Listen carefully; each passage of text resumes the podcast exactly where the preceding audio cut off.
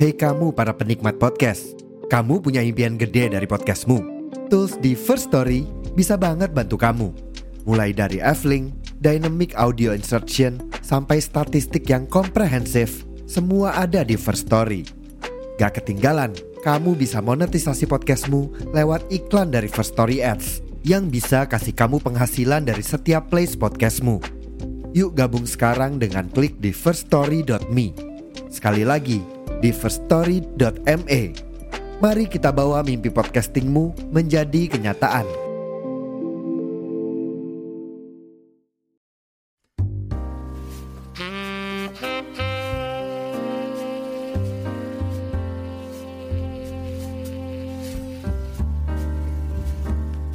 Halo semuanya para pendengar, kembali lagi di Nobar Noki bareng by Neko Cita Podcast. Masih bersama Surya di sini yang akan menemani sesi kali ini dan hari ini kita ditemani oleh teman baru. Halo Mas Kris. Ya, halo, halo. Oh ya, ini buat teman-teman yang baru mendengarkan. Jadi ini kita kedatangan teman baru. Ada Mas Kris dan siapa sih kecil Mas? Oh ya ini Bobby nih Bobby. aku. Namanya Bobby. Oh ya, Bobby. Mbak, Mbak, mari Mbak. Nanti dingin Mbak. Oke, mungkin tuh- mungkin buat ini ya buat awalan mungkin bisa perkenalan diri dulu deh, Mas Mas Bobby. Eh, Mas Oh, Kris Mas sama Bobby, Mas Kris sama Bobby, ya, Oh, ya. Itu jadi dari aku ya, halo. Pendengarnya namanya apa?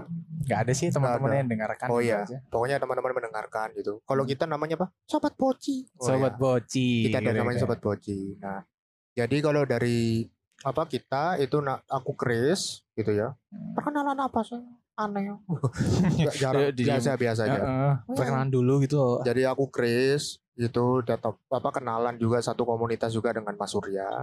Lalu ada Bobby di sini gitu. Halo semua, aku Bobby. Semoga enggak sebel ya sama suaraku. Ya memang suara cetakannya gitu kan. Iya iya, suara cetakannya memang gitu. Enggak bisa lagi. Ya sudah. Oke oke oke. Jadi Mas Kris dan Bobby ini dari Bocin Podcast ya, dari Bocin Podcast. Iya, iya, kita betul. ketemu sebenarnya kita satu ini loh, satu seminar ya waktu itu. Cuman kita nggak ketemu aja sih. Oh, Satu ruangan seminar di Noise ya. F iya. Noise ya. Noise. Noise apa itu lupa. Oh, itu seminar enggak sih? Nggak tahu apa itu.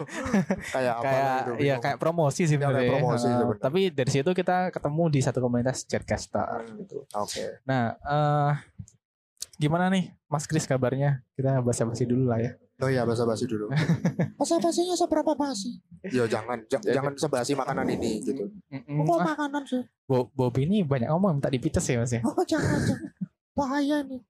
Bobby ini Bobby ini kayak nama sugar gliderku dulu yang Oh. dia tuh kabur, suka kabur ya. Dia suka kabur gak Mas? Aku suka nggak kabur sih. Cuma aku selalu menemani Chris. Oh. Setia ya. Iya iya setia setia menemani gitu, selalu. Gimana Mas Kris kabarnya? Gimana? Nah kalau kalau aku sendiri ya lagi baik cuma memang karena ya- topik yang mau kita bahas ini ya Ya, mungkin berat begitu. Oke. Jadi memang lagi bisa dibilang penyesuaian obat sih. beneran beneran. Penyesuaian Oh, obat. lagi penyesuaian obat sih karena agak susah apa bereksperi harus bereksperimen dengan itulah. Mm. Kita nggak bisa kayak eh apa ya? Apa namanya? Oh itu sadok sanyet. Sa- Sado sanet. Nah, Maksudnya apa Bobby? Kamu Nah, itu itu. mau ngomong apa Bobby? Ya maksudnya pokoknya nggak bisa langsung cespleng gitu loh. Nah itu. Obatnya nggak bisa langsung menyelesaikan. Jadi harus variasi gitu loh. Oke Nah, oke. ya. Mungkin untuk ini aja ya, eh, untuk teman-teman yang mendengarkan, kita kita hari ini mau bahas soal mental health ya Mas ya. Kita Betul. luruskan untuk kita akan bahas tentang mental health. Jadi eh, kemarin itu aku udah bikin podcast bareng Tasya, itu udah dua episode kita bahas soal inklusivitas. Sama ada satu lagi sih sebenarnya kita curhat-curhat aja sih Mas waktu itu Oh, sama Tasya juga masalah yang mental health juga di generasi Gen Z dan teman-teman yang seumuran kayak gitu. Nah, eh kalau Mas Kris belum tahu, kalau kita di sini tuh biasanya umurnya 65 Mas. Oh 65. 65. Apa itu Nah. namanya? Nggak tahu aku. Nggak, Maksudnya kita umurnya 65 tahun gitu. Teman-teman yang dengarkan tahunnya 65 tahun gitu. Oh iya ya oke oke. Supaya nggak nggak kepo lah, nggak kepo-kepo banget lah gitu. Oke sama oke kita. bagus, bagus. Ya Gitu. kalau aku tetap tujuh tahun aja cukup. Mm-mm, kamu nggak usah naik deh Iya, gitu. ini Lama-lama nyebelin ya Mas ya. Iya sih. ya udah lah banyak ngomong. Ya, nanti nggak apa-apa, nggak apa-apa apa-apa. juga. Gitu, oke. Nah, kebetulan Mas Kris ini apa katanya ini ya tadi kayak sempat nyinggung-nyinggung obat. Nah, itu Nah, itu. gimana maksudnya, Mas? Oh itu, ini karena kita bahas mental health, Ah. jadi bukan kebetulan ya tapi kayak apa ya ya memang sudah ditakdirkan dari yang di atas waduh namanya kok berat sekali ya Iya iya iya. Oh, intinya ya memang punya masalah mental juga sih makanya kenapa harus ada obat begitu Oke. mungkin bisa mulai dari situ dulu ya Oh, kenapa boleh. kok uh, harus obat gitu ada yang orang mikir karena aku pernah di itu sih Mas Surya aku pernah ditantang gitulah Mm-mm. alah masalah kayak gitu aja lu apa cuma Oh. emosi tidak stabil apa-apa ya sudah meditasi habis Iya, itu iya, iya. belajar menahan emosi mengontrol emosi berdoa gitu. Ah, ya, berdoa nah itu masalahnya nggak segampang itu sih Hmm. kadang Benar, ada benar, benar, benar. dalam tingkat tertentu itu butuh obat Hmm. penanganan atau mungkin dalam butuh sesuatu yang khusus gitu ya Mm-mm.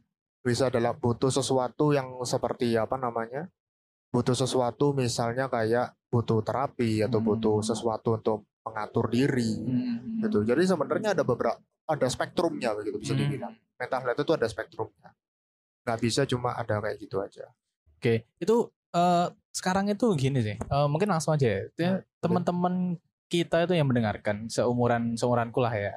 Sama mungkin teman-teman yang di sini mendengarkan itu kadang itu merasa apa ya? Merasa dirinya tuh kayak depresi, stres yang berlebih kayak gitu. Mungkin "Ah, aku tidak aku bipolar, aku apa kayak gitu.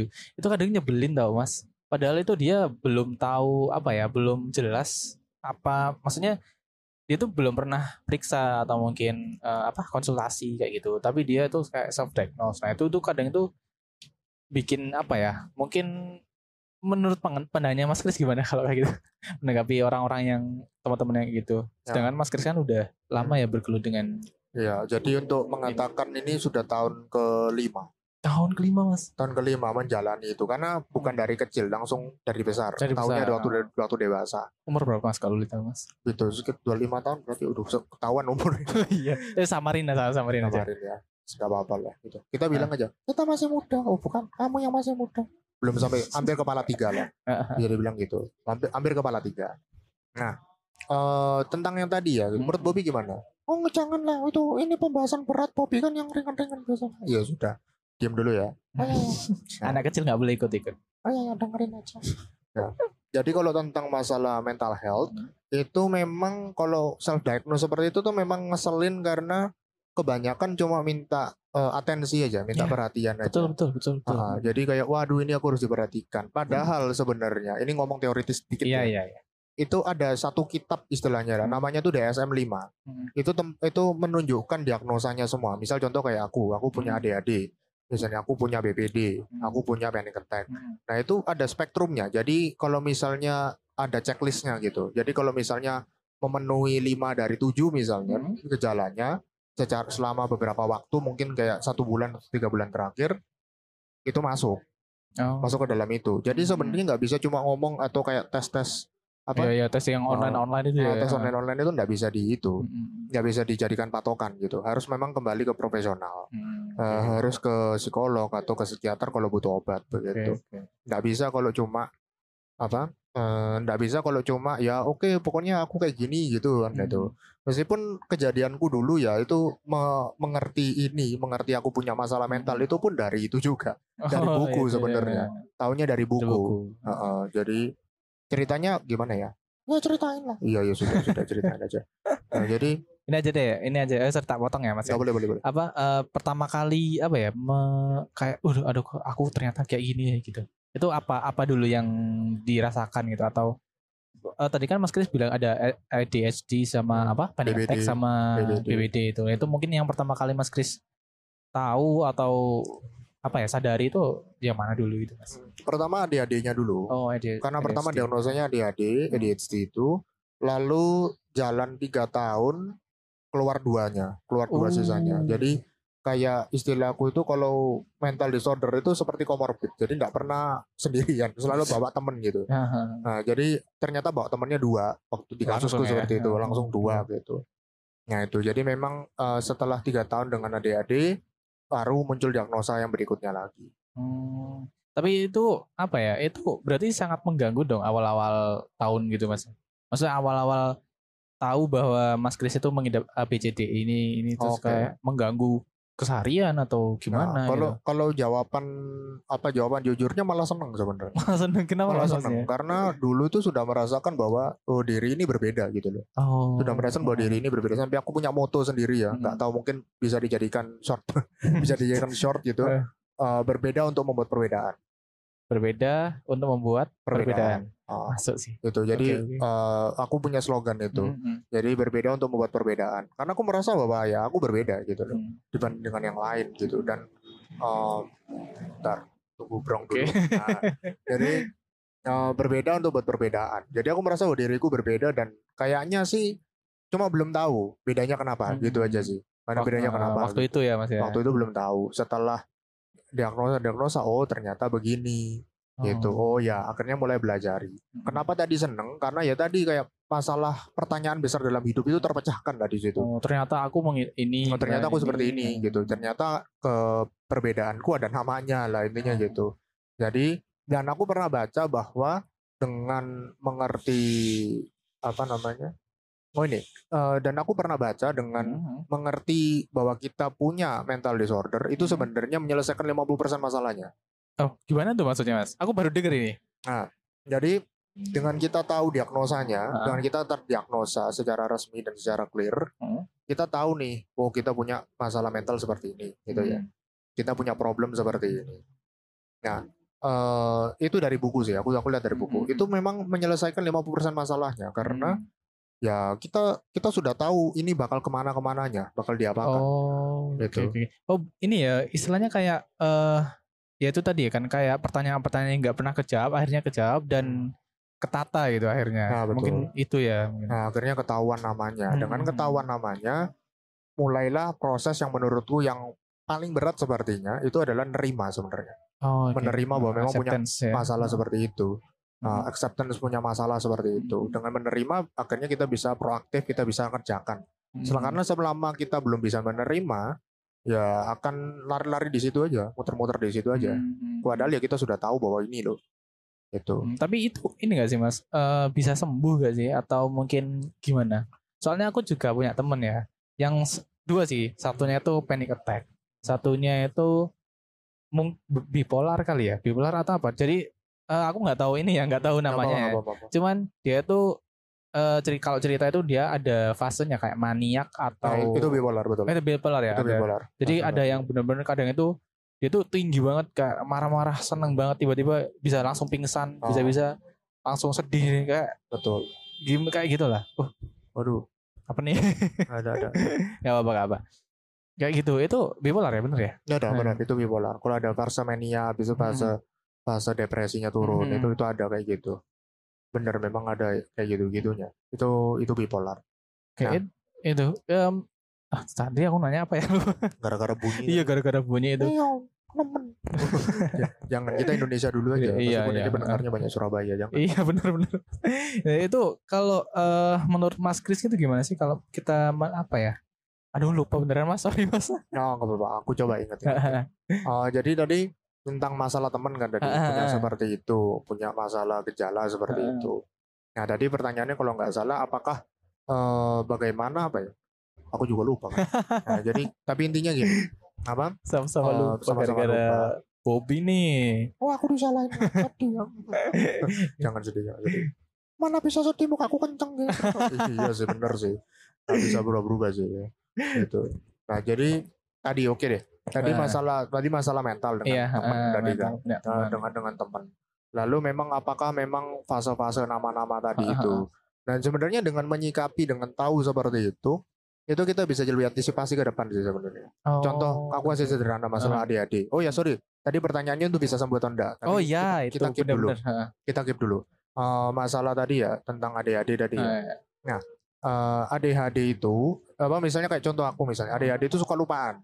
Ah, atau Misalnya. sorry gini Mas. Eh, mungkin teman-teman nih agak bingung nih ya istilah-istilah psikologi Oh, iya, iya. psikologi Oh, oh, karena oh. kita kan sering udah eh, kontakan langsung sama orang-orang yang pengidapnya kayak gitu kan Ah, atau Mas ah. Kris sendiri kan udah tahu. Nah, mungkin jelasin dikit atau secara simpel ada eh, apa ADHD itu apa? Oh, iya, itu oke, apa oke. gitu ya. Ah, Oke. Oke oke thank you. Eh, ADHD itu attention deficit hyperactivity disorder. Hmm. Itu masalah fokus intinya, gangguan fokus. Tapi juga tapi nggak cuma tentang gangguan fokus, jadi juga tentang masalah hiperaktif tadi dimunculkan di situ. Heeh. Jadi otak ini bisa lari ke mana-mana begitu. Meskipun Hmm. kita duduk di sini ngomong itu bisa jauh pikiranku lari ke mana-mana. Oh gitu. Nah, bisa seperti itu. Nah, lalu kalau yang borderline, BPD itu borderline. Borderline disorder Ah, ya? Borderline personality Oh, disorder. borderline. Itu lebih kayak kalau kena trigger itu jadi lebih mellow gitu, lebih drop Hmm. dari biasanya. Jadi kalau kalau aku menggambarkan dengan sederhananya, lebih cenderung kena depresi lebih cepat. Oh gitu gitu. Gitu, Biasa, eh, sorry mas ya. Biasanya kak trigger itu apa ya? Apa yang men-trigger mas Chris itu? Atau mungkin setiap orang berbeda mas? Ada beda-beda gitu. Oh beda-beda ya. Ah, jadi kalau dari aku misalnya eh, merasa ditinggal misalnya, merasa Hmm. ini kejadian belakangan ini sih. Jadi Mhm. oh cie ditinggal. Ya udah, jangan Bentar tak, dulu. bentar kan lagi cerita. Oh ya maaf maaf. nah jadi apa tadi eh, borderline tadi itu misalnya kayak aku ada teman nih, temanku Hmm. sudah lama nggak kontak gitu, deket Hmm. awalnya kontak-kontakan, habis itu sudah lama nggak kontak. Aku merasa kayak aku ditinggal, Hmm. aku merasa kayak aku kesepian banget gitu. Padahal ya sebenarnya ya cari teman lain lah, ngomong yang teman lain Iya, kan bisa iya, kan gitu. benar, Cuma ya itu karena emosi itu terekam dan itu jadi lebih personal sekali Mm. makanya jadi kerasa sekali dan akhirnya jadi sedih berlarut-larut Oh gitu. Terus selanjutnya apa tadi mas katanya? nah yang panic attack kan Panic terakhir. attack ya? Nah, panic attack kalau kena trigger kalau aku dulu itu ceritanya panic attack itu misalnya pengen beli sesuatu Mm-mm. tapi nggak bisa kebeli gitu wah pikirannya panik kerak apa sudah pokoknya nggak konsen semua lah badan itu nggak tenang lah gitu pikiran juga nggak tenang Kirain panic attack itu sama ini kayak serangan jantung atau apa itu enggak? Agak mungkin kalau ngomong karena itu kejadiannya sewaktu-waktu iya. Oh. tapi kalau tapi tapi memang detak jantungnya cepat betul. Mhm. tapi nggak sampai serangan jantung juga gitu. Oh gitu. Kalau temanku itu ini sih dia sampai gemeteran sampai betul betul. kayak sama. "Ah, ah, gimana? Aku Iya, gimana gitu. Sama ya sampai, sama. sampai gitu ya? Oh, sama. Gitu Gitu. Oke baru tahu aku keren. Eh keren sorry sorry mas. Emang apa ya? Kayak aku tuh ngelihat orang-orang yang sedikit berbeda dari kita itu Hmm.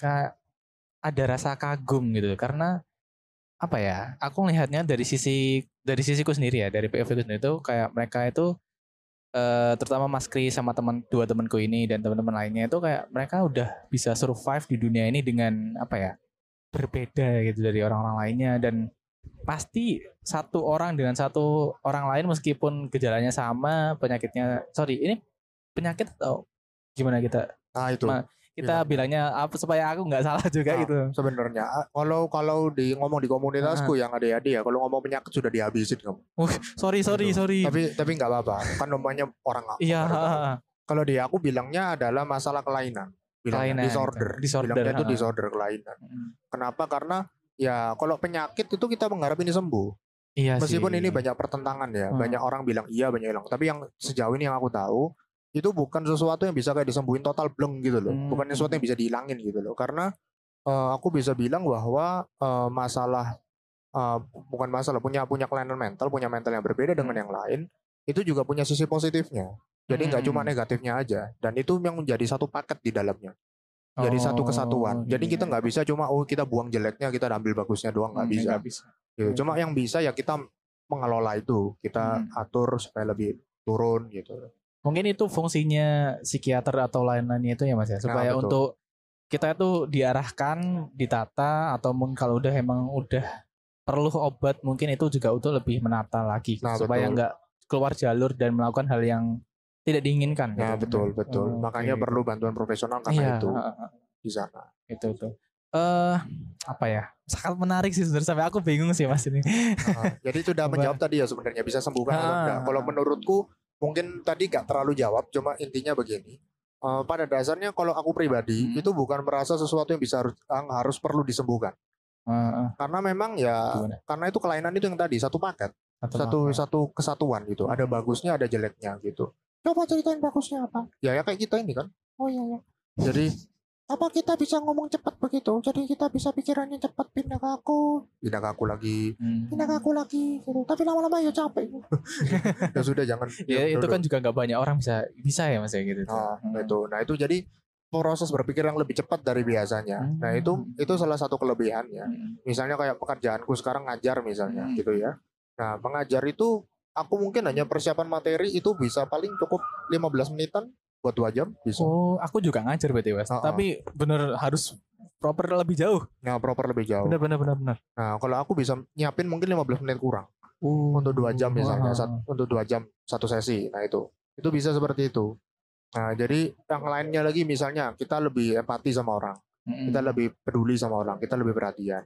Bukan berarti orang nggak peduli, orang lain nggak peduli ya enggak. Maksudnya kita lebih perasa lah, lebih peka lah, lebih peka lebih mudah peka ah, dengan orang lain. karena mungkin ini ya kita udah kasarnya udah merasakan gitu terus jadi ad- ada rasa ini gak sih mas kayak aku nggak mau orang lain ngerasain apa yang aku rasain gitu Nah, dulu aku Atau mikir begitu. gimana? Dulu Ah. aku mikir gitu. Cuma sekarang masalahnya adalah masalah bukan masalah. eh, kelainan mental itu genetik. Eh, genetik Genetik. seriusan Iya, itu genetik. Turun. oh Itu menurun. Jadi yang kalau ngomong kalau ngomong aku punya anak kamu nggak mau seperti itu agak susah ya ketika ya.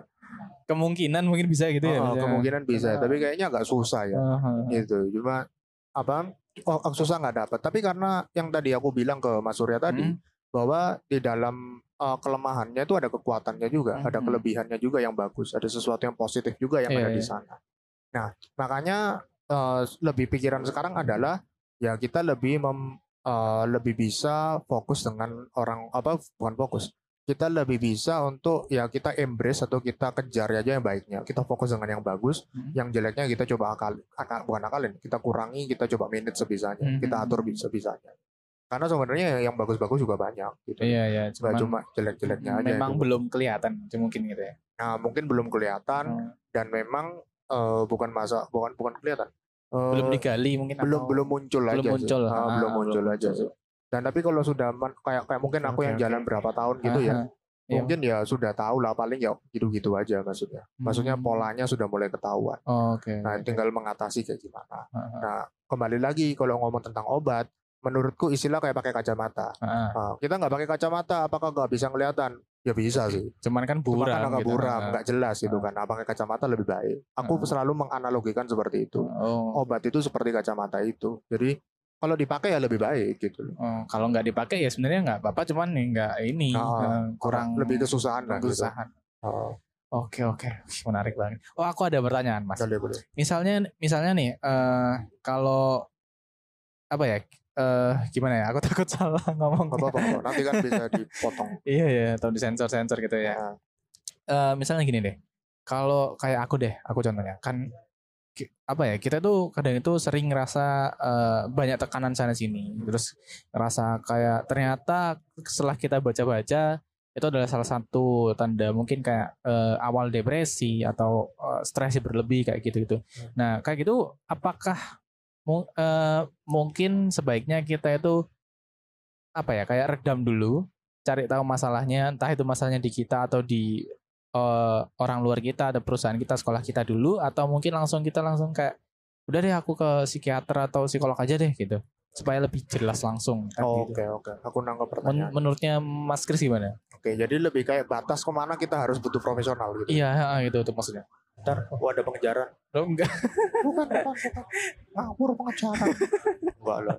Ya, itu jadi apa? Bisa aja Mas Kris ini. Nah, Terus terus. Oke, jadi sebenarnya batas mana kita harus butuh bantuan profesional, begitu ya? Nah, bat, ah, Sorry, batas, sorry Mas. batas batas batas mana kita harus butuh bantuan profesional? Menurut yang aku pernah tahu sejauh ini karena aku belajar psikologi juga sendiri dan juga beberapa kondisi yang lain. Ah. Nah, masalah itu masalah itu muncul apa sorry kalau misalnya itu sudah mengganggu aktivitas sehari-hari Hmm. maka sebaiknya pergilah profesional misalnya Oke, kayak oke. kita mengganggu ke ke aktivitas gitu ya Oh. Menggar- kayak misalnya kita mengurung di kamar sendiri Oh gitu. ya itu kan sangat Atau- ganggu ya. atau kita nggak bisa komunikasi sama orang lain atau kita malah gampang tersinggung Oh itu juga salah satu ini ya Mas ya? Oh, gampang tersinggung mungkin ma- masalahnya kecil banget gitu tapi kita gampang tersinggung Oh, nah oke. itu itu juga bisa harus salah satu yang kita waspadai gitu. aku aku gitu Mas. Gampang tersinggung kadang. Nah, cuma memang di masalah kita meskipun sekarang ya dibanding zamanku dulu Ah. diagnosa pertama ya eh, lima tahun lalu dibanding 55 tahun yang lalu 50 ngikutin tadi 65 itu enggak enggak lima tahun nah jadi eh, lima tahun yang lalu perbedaannya itu memang sekarang awarenessnya sudah lebih baik Oh, masalah iya, iya, mental health orang sudah lebih tahu Oh benar benar Mas. cuma menurutku stigmanya masih nggak berubah belum banyak Hmm. berubah stigmanya jadi misalnya kayak tadi Mas Surya bilang waduh itu kebelet biasanya Mas. oh ya Kenceng-kenceng.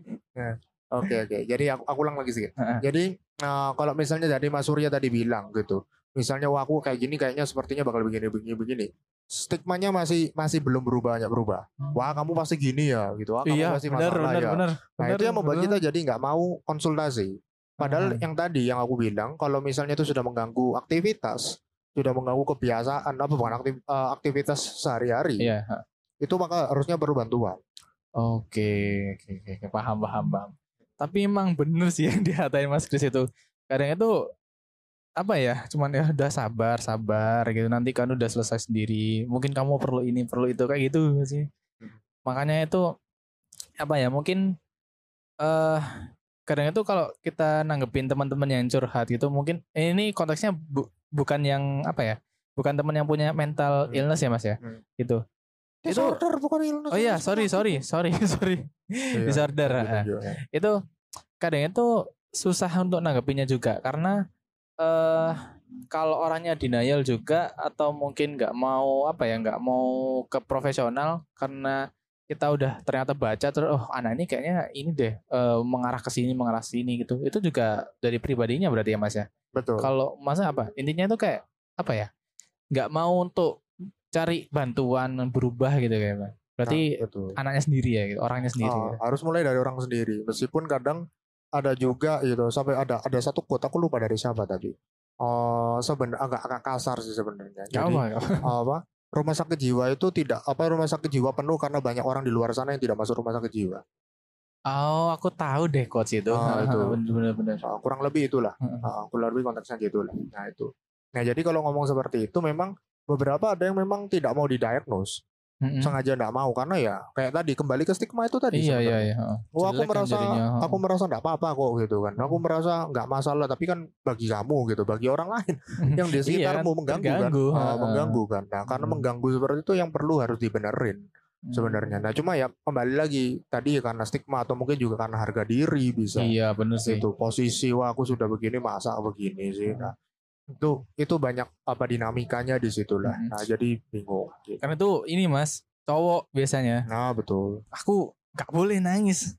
Aku Nah, nggak boleh kayak gini. Hmm. Aku anak pertama, aku Ah. anak ini lah bla bla bla bla gitu kan. Oh, Itu jadi kayak apa ya? Mereka nggak secara nggak sadar numpuk masalahnya dia, numpuk masalahnya mereka, akhirnya dor keluar deh semuanya nah, itu. tanpa Oh, apa ya tanpa kontrol dan bukan di tempat yang tepat akhirnya gitu betul, betul. tanpa disadari juga nah itu juga apa ya ada beberapa teman juga yang kayak gitu terus akhirnya nggak tetap nggak mau apa ya sik profesional dan kalau dibilang merugikan ya sebenarnya eh, sorry itu saya ya emang agak merugikan Nah, betul. sekitar cuman betul.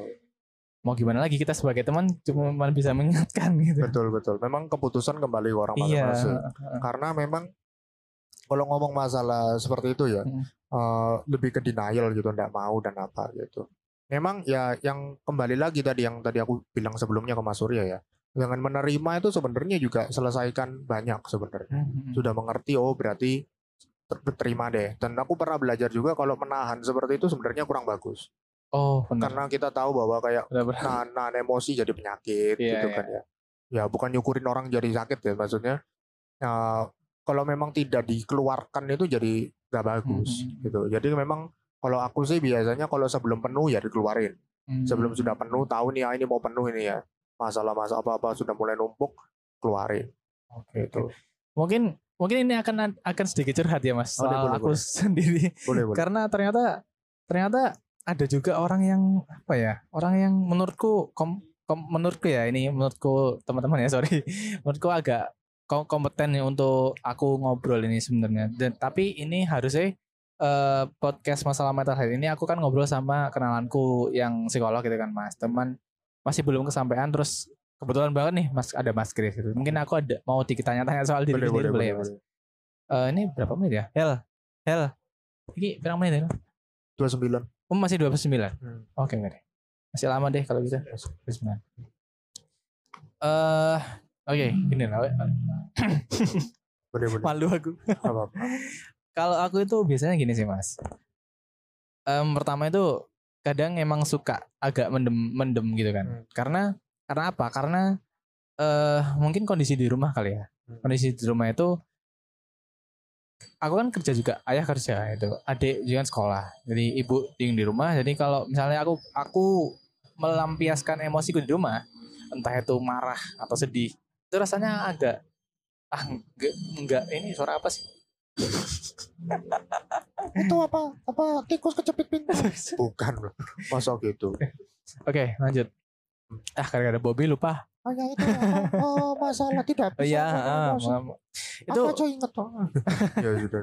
Itu tuh kadang rasanya agak sungkan gitu. Karena apa ya karena mungkin orang tua itu lebih capek daripada anak gitu. Padahal kan juga belum tentu gitu. Kita kan juga nggak tahu eh kondisi masing-masing itu sebenarnya gimana. Karena aku juga jarang cerita gitu ke orang tua gitu kan.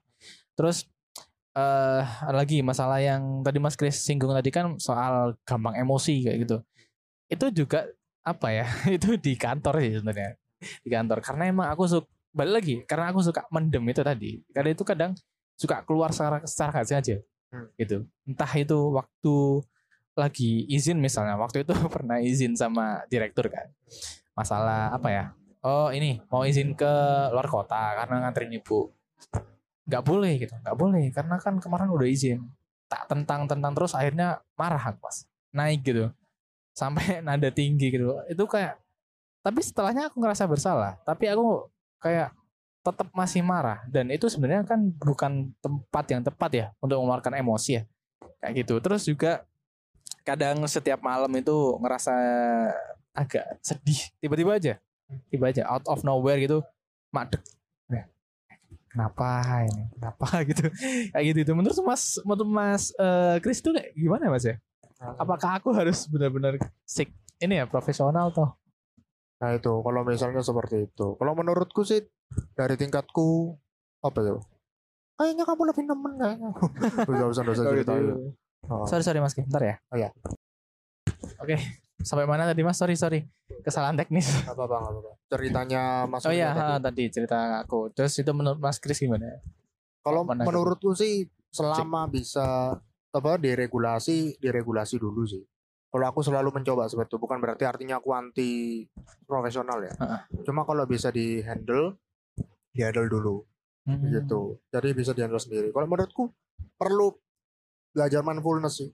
mindfulness oh iya itu pernah di ini pernah disaranin sama psikolog itu apa kenalanku itu Hmm. katanya suruh meditasi ya istilahnya ya meditasi istilahnya gitu. Tapi kalau bahasa lebih kerennya Yang bahasa mindfulness ya. mindfulness. Itu Per- perlu mindfulness karena untuk meregulasi emosinya. Jadi Hmm. Uh, intinya begini, baik buat teman-teman yang dengerin juga, uh, mindfulness itu prosesnya adalah uh, membiarkan emosi itu datang dan pergi. Hmm. Jadi kita nggak menjudge, kita tidak melabel, tapi membiarkan aja jalan kayak biasa. Gitu. Masuk, oh kepikiran kayak gini, gini, gini, gini. Habis itu keluar lagi, kayak gitu-gitu aja. Bukan tapi itu susah. susah sih mas kalau mau apa ya misalnya eh eh Dimas ya hmm, kena nih kena, kena. pindah deh kayaknya mas boleh kurang, bentar, kurang ke sini kah? Oke, cek. Oke, oke. Nah, Cek. jadi sampai mana Oke. tadi? Oh, itu. mindfulness tadi mas mindfulness. Ah. Nah, itu itu perlu belajar. Jadi mulai dengan sesederhana, sesederhana menggunakan nafas, menarik nafas, dikeluarkan. oh oh kalau itu udah mas rasakan Itu, sensasi tubuh dan biarkan pikiran ini muter aja ke mana. Gak usah dibatasi, Oh. gak usah di apa, di apa, dibiarkan aja datang dan pergi. Dengan seperti itu, Mhm.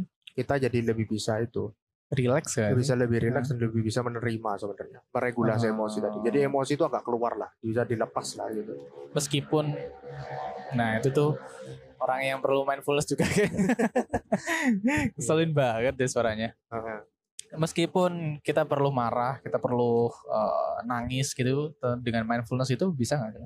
Bisa, bisa. meskipun nggak nggak dikeluarkan secara langsung ya Iya bisa bisa nggak keluarkan langsung. Tapi Oh, biarkan oke. itu emosi itu keluar. Jadi nggak nggak ketahan kayak tadi. ah benar Gitu. Karena kalau ketahan akan jadi lebih parah gitu. iya benar sorry sorry suka keluar kadang itu kalau di- sebenarnya di kantor aja sih keluarnya Hmm. ketika apa emang kan kadang ada hal-hal yang ngeselin gitu ya Hmm. itu terus suka sengaja keluar gitu terus apalagi nih mas mungkin Nah, buat kalau- eh, buat aku Ah, gitu Oke. Kalau untuk bantuan profesional itu biasa skalanya itu ngeceknya sekitar 3 sampai 6 bulan. 3 sampai 6 bulan. Hmm. Kalau Eh, polanya gimana, gitu Mas? terus gitu maksudnya.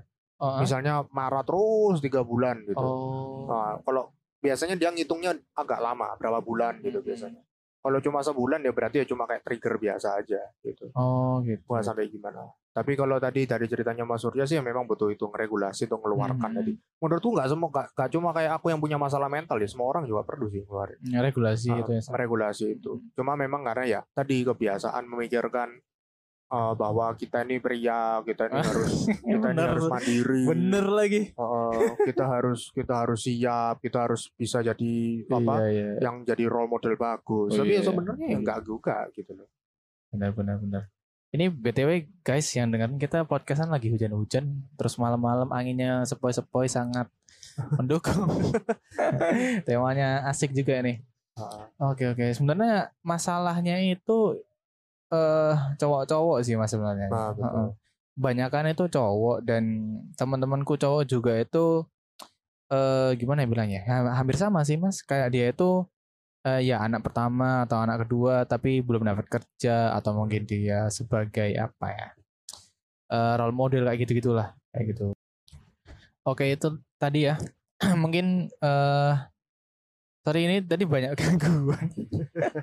mungkin ini akan sedikit terpotong-potong ya teman-teman. Jadi ya itulah. Mungkin kita bisa eh apa ya? Sampai ngeblank aku tadi Mas. Lupa. terakhir tadi tentang oh mindfulness ya terakhir mindfulness, betul. itu. Mindfulness.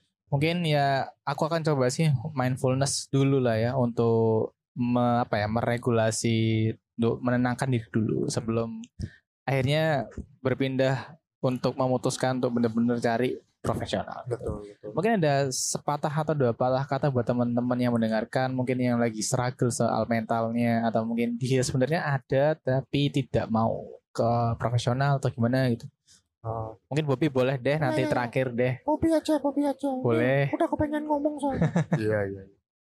jadi ya apa kalau pesannya Bobby sama Chris sih ya kan dua orang kan iya iya dua orang ayo lanjut aja waktu durasi durasi Durasi, durasi, Oh, durasi. iya, Eh, jadi kalau dari Bobby dan Chris kalau misal punya masalah mental merasa terganggu secara aktivitas begitu ya sudah mulai ganggu sendiri atau orang lain bahkan. Nah itu harus buat cari bantuan jangan takut jangan malu gitu. Ya memang agak susah ya. Cuma memang agak agak ribet bakalan gitu. Banyak orang akan tanya-tanya banyak apa tadi? Stigma. Oh iya, Iya, banyak stigma. stigma tadi itu tapi ya lebih baik mengenali kalau kita mengenali kita bisa terima kalau kita bisa nerima ya sudah dibawa santai aja sudah Oke. Gitu nggak sih? iya iya betul sip, sip. Cakep ini MVP-nya ya. Bobby. Ya mungkin dari Mas Kris ada sedikit lah atau apa gitu buat Oh, ya, teman-teman. itu kita promosi. Boleh, boleh. oh iya Boleh. promosi promosi oke. Bobby lagi deh Bobby lagi deh. Ya ya bagus lah kasih aku yang ngomong banyak gitu. Ya kan namanya yang laku yang katanya yang ngomong aku yang lebih berat. Oh ya ya udah ada aku aja durasi. Ya iya iya durasi. Oh ya jadi apa kami ini dari podcast Bocin B O C I N ya. B O C I N. Bobby Chris ngobrol. Nah itu bisa dicari di search lah nah itu kita bahas tentang motivasi kita bahas tentang psikologi. Makanya Chris tahu banyak karena kalau mau tahu lebih tahu. Ya kalau mau tahu lebih tahu. Ya kalau mau lebih tahu lanjut lagi bisa dengerin di situ. Nah Bobby juga ada di situ ngajarin bahasa Inggris. Nanti kalau mau belajar bahasa Inggris ya silakan ke situ. Jadi bisa didengarkan di mana macam-macam lah platformnya gitu Oke, Apalagi? sudah? ya udah gitu aja. Oke, Bobby. Oke, terima kasih Bobby. Terima kasih Mas Kris sudah mampir di Nekojita. Oke, terima kasih buat teman-teman yang sudah mendengarkan. Sampai jumpa di sesi selanjutnya. Terima kasih kamu yang sudah mendengarkan podcast Negojita. Sampai bertemu di sesi selanjutnya.